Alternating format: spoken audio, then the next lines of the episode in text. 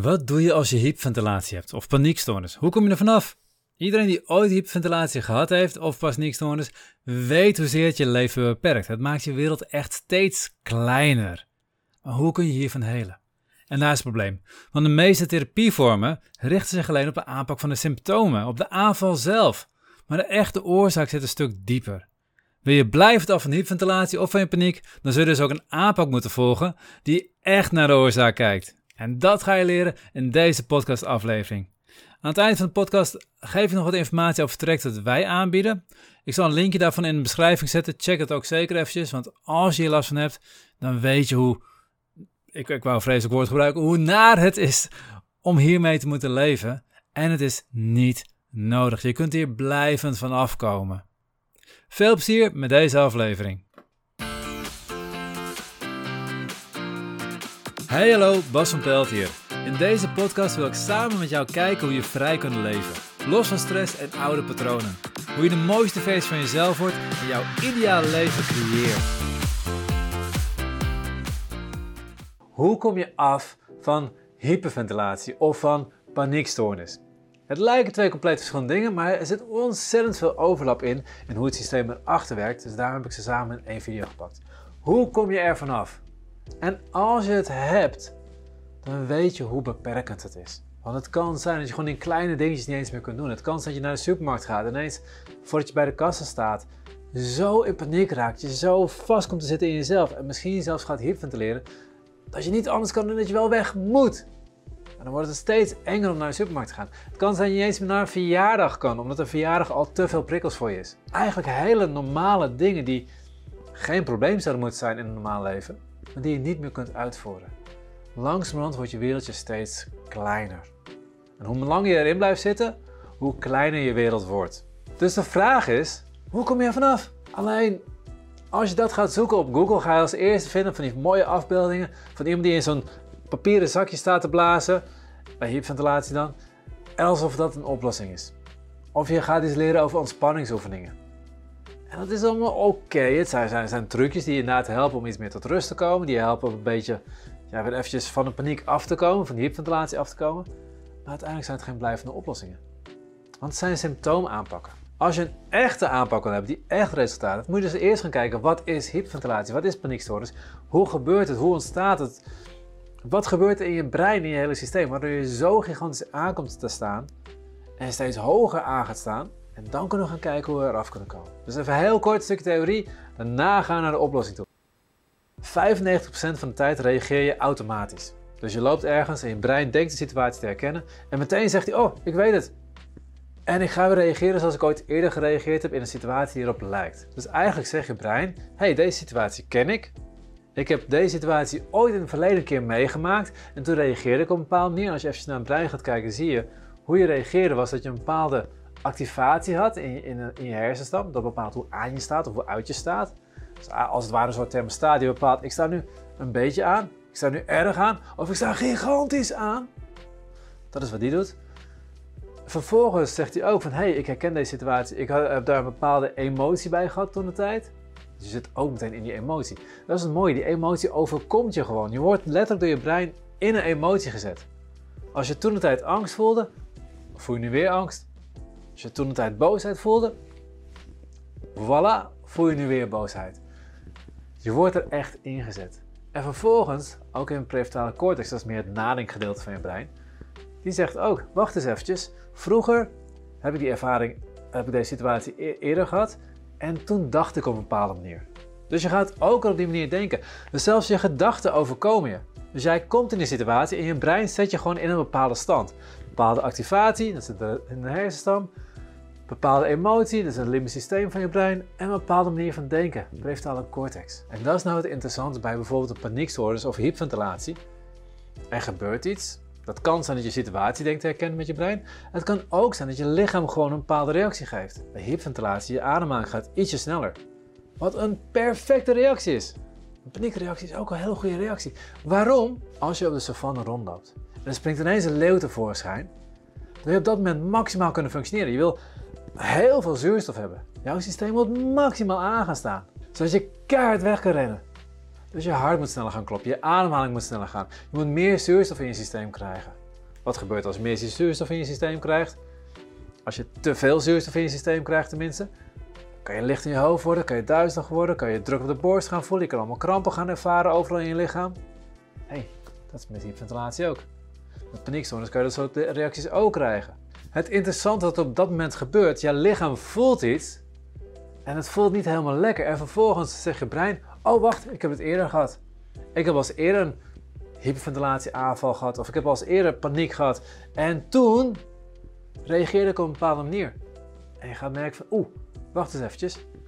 Ik herinner me dit. Die oude herinnering wordt getriggerd. Die zegt meteen, toen stond ik nog meer aan. Dus je gaat nog meer aanstaan. Dus je stond al aan, maar nu je een beetje meer aanstaan. Emotie komt erbij. En die emotie zegt op dat moment van, oeh, uh, dit voelt niet fijn voor mij. Ik, ik vind het eng, bijvoorbeeld. En wat, wat gebeurt er met je systeem als je angst voelt? Als je angst voelt, als je het idee hebt dat er iets bedreigends is, ga je nog meer aanstaan. Dus je stond al hier en dan zegt deze zegt al, van, we gaan eens hoog staan. Die zegt, we gaan nog eens hoog staan. Dan heb je ook nog een gedachte bij. En die gedachte zit vaak, in ieder geval bij hyperventilatie, zit er altijd een controlebehoefte bij. Een soort patroon van controle willen hebben op de situatie. En wat doet dat patroon? Dat zorgt voor, je staat inmiddels hier en die zegt ook nog eens, oh nee, het is niet goed, we moeten er wat aan doen. Op het moment dat deze zegt, we moeten er wat aan doen, gaat je activatie ook meteen omhoog. Want als je wat gaat doen, moet je geactiveerd zijn, moet je hartslag omhoog. Dat is iets gaan doen. Stilzitten, relaxen, dat is, dat is hartslag omlaag. Maar iets gaan doen, dan gaat hij aan. Dus je stond al hier en deze zegt ook nog eens gaan we hier zetten. Dus je gaat in een maximale overactivatie als het ware. Super stressreactie. Geweldige reactie als een leeuw tegenover je staat. In alle andere situaties is het helemaal geen fijne reactie. En omdat je eigenlijk vanuit drie kanten op jezelf reageert, op het gevoel wat er gebeurt reageert, ga je het alleen maar verergeren. Of het nou hyperventilatie is, je reageert op je ademhaling. Of het angst is, denk je van, oh nee, ik, ik, ik begin me weer zenuwachtig te voelen. Oh nee, ik vind het spannend. En, en stapje voor stapje ga je het zelf verergeren. Gebeurt allemaal onbewust. Dat is geen bewuste actie. Dit hele systeem, wat ik zei, 95% van de tijd reageer je vanuit automatische patronen. Dit gebeurt vanzelf. Je emoties overkomen je, je gedachten overkomen je. Bij stress, als deze al hoog staat, dan is het 100% van de tijd reageer je vanuit automatische patronen. Dat is wel heftig, hè? Dus je gedachten en emoties overkomen je gewoon. Dus je kan dan een trucje toepassen. Even blazen in een papieren zak. Of, of weet ik veel, een bepaalde ontspanningsoefening of iets dergelijks. En dan moet ik ook bij zeggen, op het moment dat jij zo hoog in de stress zit. Op het moment dat jij het gevoel hebt dat er een leeuw tegenover je zit dan ga je dat niet met ademen wegkrijgen. Als er letterlijk een leeuw tegenover je zit en jij denkt, oké, die leeuw die heeft honger, oeh, die is wel heel dichtbij. Oké, ik ga ademhalen, ontspan, om. Dat werkt totaal niet. Dus je moet iets anders doen. Wat moet je doen? Een goede aanpak bestaat uit twee dingen. De eerste is de basisactivatie omlaag brengen. Zorg dat je van jezelf al meer ontspannen bent.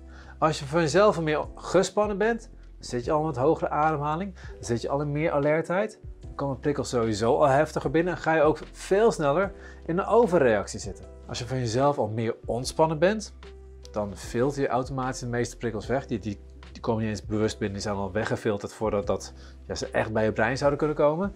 En alles wat wel binnenkomt, reageer je minder heftig op, want je zit meer in een basis ontspannen toestand. Dat is het eerste stukje. Dat is heel makkelijk voor elkaar te krijgen. Ga lekker twee weken op vakantie naar Bali en het is klaar. Het probleem alleen, dan kom je weer terug, dan kom je weer in dezelfde situatie waar je altijd geweest bent. En dan ga je weer vanuit diezelfde oude patronen reageren zoals je altijd gereageerd hebt. Dan heb je weer hetzelfde probleem. Dus ontspannen alleen is geen goede oplossing. Alle therapievormen die zijn gericht op alleen maar ontspanning, alleen maar trucjes om die symptomen aan te pakken, zijn niet voldoende. Wat je wil, is die patronen aanpakken. Zorg dat het oude patroon, die zit allemaal in het emotioneel deel van je brein opgeslagen, het limbisch systeem, amygdala, dat die eruit gaan.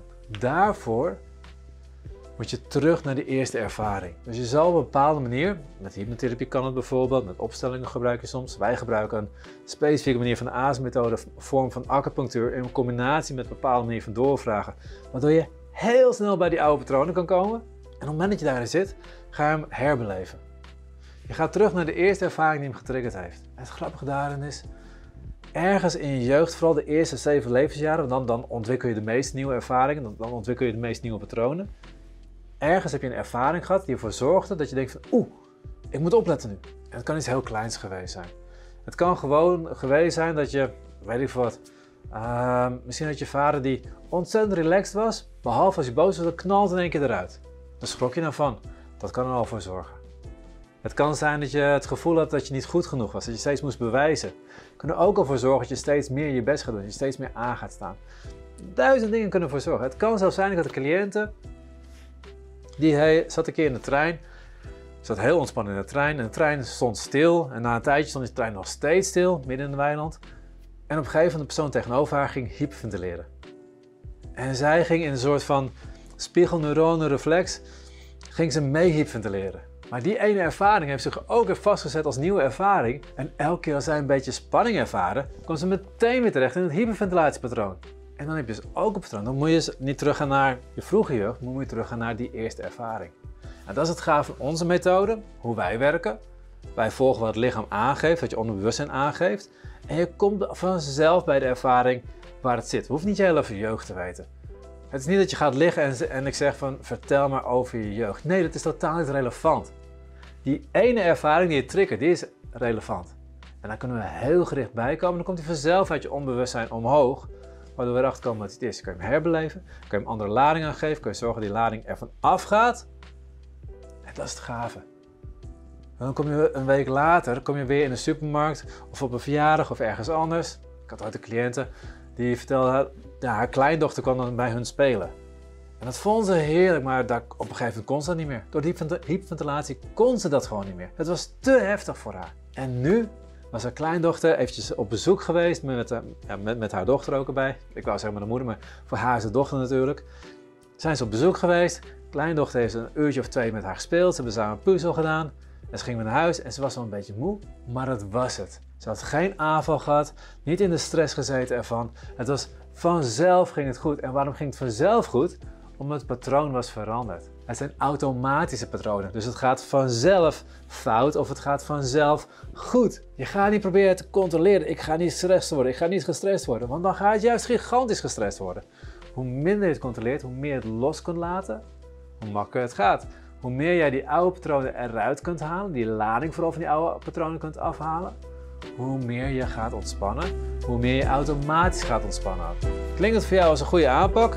Herken je dit in jezelf en zou je meer willen weten? Um, klik even op de link in de beschrijving hieronder en neem contact op voor een traject.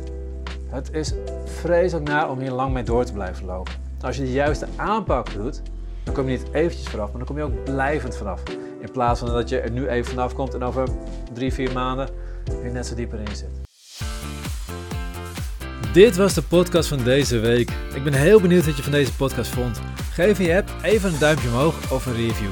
In Spotify kun je dit doen door naar de podcast zelf te gaan en daarop het aantal sterren te klikken onder de beschrijving van de podcast. Kun je jouw app geen review geven? Geef ons dan even een review op Google door te klikken op de link in de beschrijving van deze aflevering. Je helpt ons op deze manier enorm om meer mensen te bereiken, zodat ook zij vrij kunnen leven.